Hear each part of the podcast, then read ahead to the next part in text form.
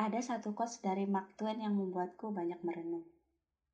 Kata dia, ada dua hari yang paling penting dalam hidup setiap orang. Pertama adalah hari ketika dirimu terlahir. Yang kedua adalah hari ketika kamu akhirnya mengetahui alasannya. Sudahkah hari keduamu itu datang?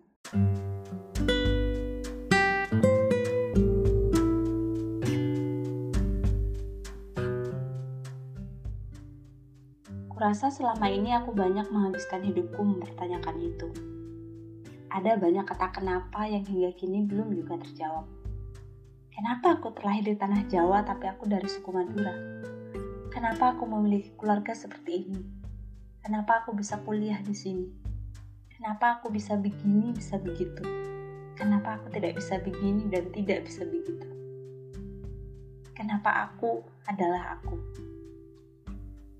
Pertanyaan serupa sering kali muncul ketika aku sedang kesulitan. Kenapa aku berada di situasi sepelik ini? Semesta ingin aku ngapain? Tuhan ini ingin aku belajar apa? Karena katanya ketika kita dihadapkan pada situasi penuh konflik, sebenarnya kita mau naik level. Dan untuk itu, perlu lulus uji kompetensi dulu. Selama menulis draft podcast ini, aku banyak mengingat-ingat momen mana yang aku temukan jawabannya. Dan ternyata agak sulit, karena yang paling mudah diingat justru masa-masa suramnya. Yang paling mudah diingat justru masa-masa sulitnya. Tapi mungkin ada satu hal yang bisa aku bagikan. Dulu, aku selalu bercita-cita untuk kuliah di sastra Inggris karena dulu aku sangat suka dengan Harry Potter. Aku suka mendengarkan lagu-lagu Westlife. Aku juga suka beberapa lagu seperti Linkin Park dan lain-lain. Intinya aku suka aja dengan mapel bahasa Inggris. Tapi nggak di titik yang aku jadi yang paling jago juga. Karena banyak temanku yang lebih jago lagi speakingnya. Tapi lumayan lah, cukup untuk dipakai buat baca novel atau baca komik berbahasa Inggris. Akhirnya ketika SMA kelas 3, aku daftar PTN jalur undangan yang pakai nilai rapot dan pilihan pertama adalah sastra Inggris. Lumayan waktu itu, rankingku ranking 11. Tapi ternyata nggak lolos. Karena nggak lolos, alhasil aku harus ikut senam PTN yang jalur ujian dan ketika itu, ibu mengusulkanku untuk mengambil jurusan pendidikan matematika saja di pilihan pertama. Wali ibuku pedagang sayur. Dari kecil, kami punya toko kelontong yang juga menjual sayur. Dan dari kecil aku sudah bermain dengan timbangan dan sering membantu ibuku jualan. Jadi, aku cukup familiar dengan timbangan, dengan logika matematika. Dan mungkin di mata beliau, kemampuan matematika aku lebih baik. Karena memang beliau lebih sering melihat aku dan kemampuan itu. Tidak dengan aku dan bahasa Inggris. Akhirnya ya udah, aku putuskan untuk mengikuti saran ibu aku atau itu. Aku belajar semampunya, aku berdoa sesanggupnya, dan ternyata lolos. Lolos aku lolos di jurusan pendidikan matematika pilihan pertama. Dan jujur ketika lolos, agak kaget dan banyak panik. Karena ini gimana lulusnya nanti? Ya bener lolos masuk kuliahnya, tapi gimana nanti lulusnya? Sarjananya gimana? Materi turunan aja masih susah, integral aja masih belum paham itu yang ada di pikiranku saat itu. Akhirnya waktu itu aku nazar. Aku berjanji sama diri aku sendiri kalau IP pertamaku 3,0 3,0 ke atas aku akan lanjut kuliah ini sampai lulus. Karena itu artinya aku mungkin punya sedikit potensi untuk menyelesaikannya. Kalau di bawah itu aku akan berhenti kuliah dan mending lamar kerja aja. Jadi TKW kek ke Malaysia kek. Kebetulan budeku berangkat ke Malaysia jadi TKW waktu itu.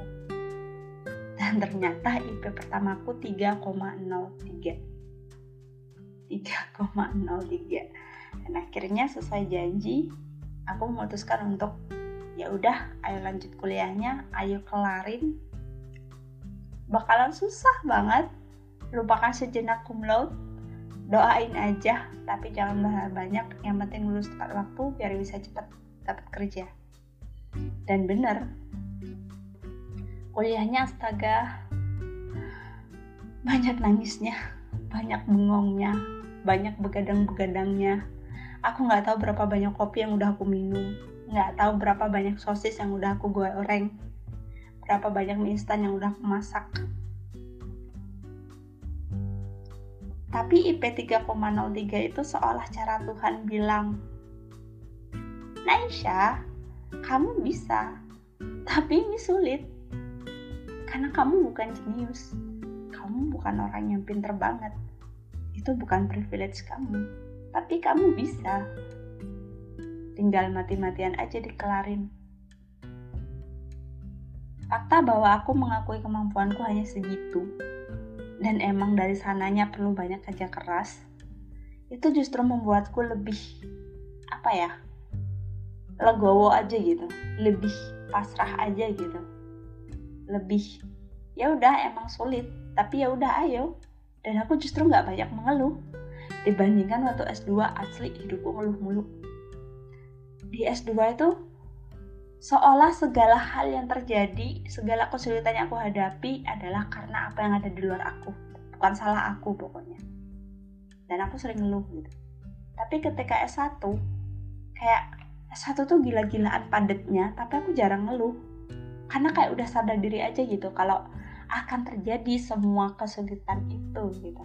Dan itu memang akan ada di proses aku kuliah gitu.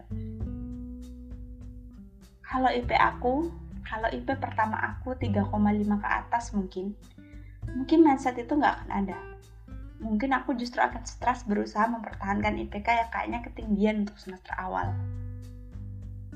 Mungkin terdengar ala ya klise. Karena jurusan pendidikan matematika mungkin tidak lebih sulit daripada jurusan lain yang lebih gila lagi.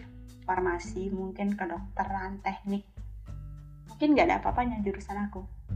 Tapi bagi aku itu tantangan gede.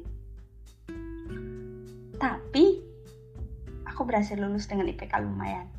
Cukup banget untuk aku bisa dapat beasiswa untuk S2 ya aku sampai S2 dan lagi waktu S1 aku masih sempat ikut klub bahasa Inggris. Dan akhirnya bahasa Inggris masih jadi hobi sampai sekarang aku pakai buat baca novel, buat dengerin lagu-lagu favorit aku, buat baca artikel-artikel. Bahkan bahasa Inggris aku pakai untuk belajar bahasa lain. Bahasa Korea misalnya. Bahasa Inggris bisa aku pelajari sendiri karena memang hobi aku banyak berhubungan dengan itu. Tapi matematika bukan sebuah subjek pelajaran yang akan aku sentuh di sela-sela kesibukan aku. Jadi mungkin itu alasannya kenapa aku akhirnya kuliah di matematika. Agar aku bisa belajar keduanya. Akhirnya aku tetap belajar matematika karena emang jurusan kuliah aku dan akhirnya wajib aku pelajari. Bahasa Inggris tetap aku pelajari karena emang hobi. Sesuatu yang bisa bikin aku happy. Di sela-sela aku berusaha berjuang. Dan aku belajar itu tanpa merasa dipaksa aku nggak inget sih kapan aku akhirnya menyadari alasan dibalik tujuan aku kuliah itu. Aku juga nggak tahu hidup aku ke depannya akan kayak apa. Jadi aku belum bisa benar-benar ngejawab tujuan hidupku sebenarnya yang mana, tujuan lahir aku terlahir itu sebenarnya untuk apa. Tapi kayaknya capek deh kalau mikirin itu terus. Jadi aku mau fokus aja ke tujuan aku hari ini. Tujuanku hari ini kelarin podcast ini, edit-edit, upload, publish. Besok aku mau bangun pagi, mandi, terus aku harus ngajar juga. Sorenya aku masih pingin jalan-jalan keliling rumah. Terus aku juga pengen kelarin novel aku yang baru aku baca. Terus aku akan tidur sebelum jam 12 malam. Tiap harinya aku punya dua target. tidur sebelum jam 12 dan bangun subuh dan gak tidur lagi itu cukup kalau kamu apa kamu sudah tahu tujuanmu terlahir? Kalau iya apa itu? Aku Naisha sampai jumpa di podcast kehendak episode selanjutnya. thank you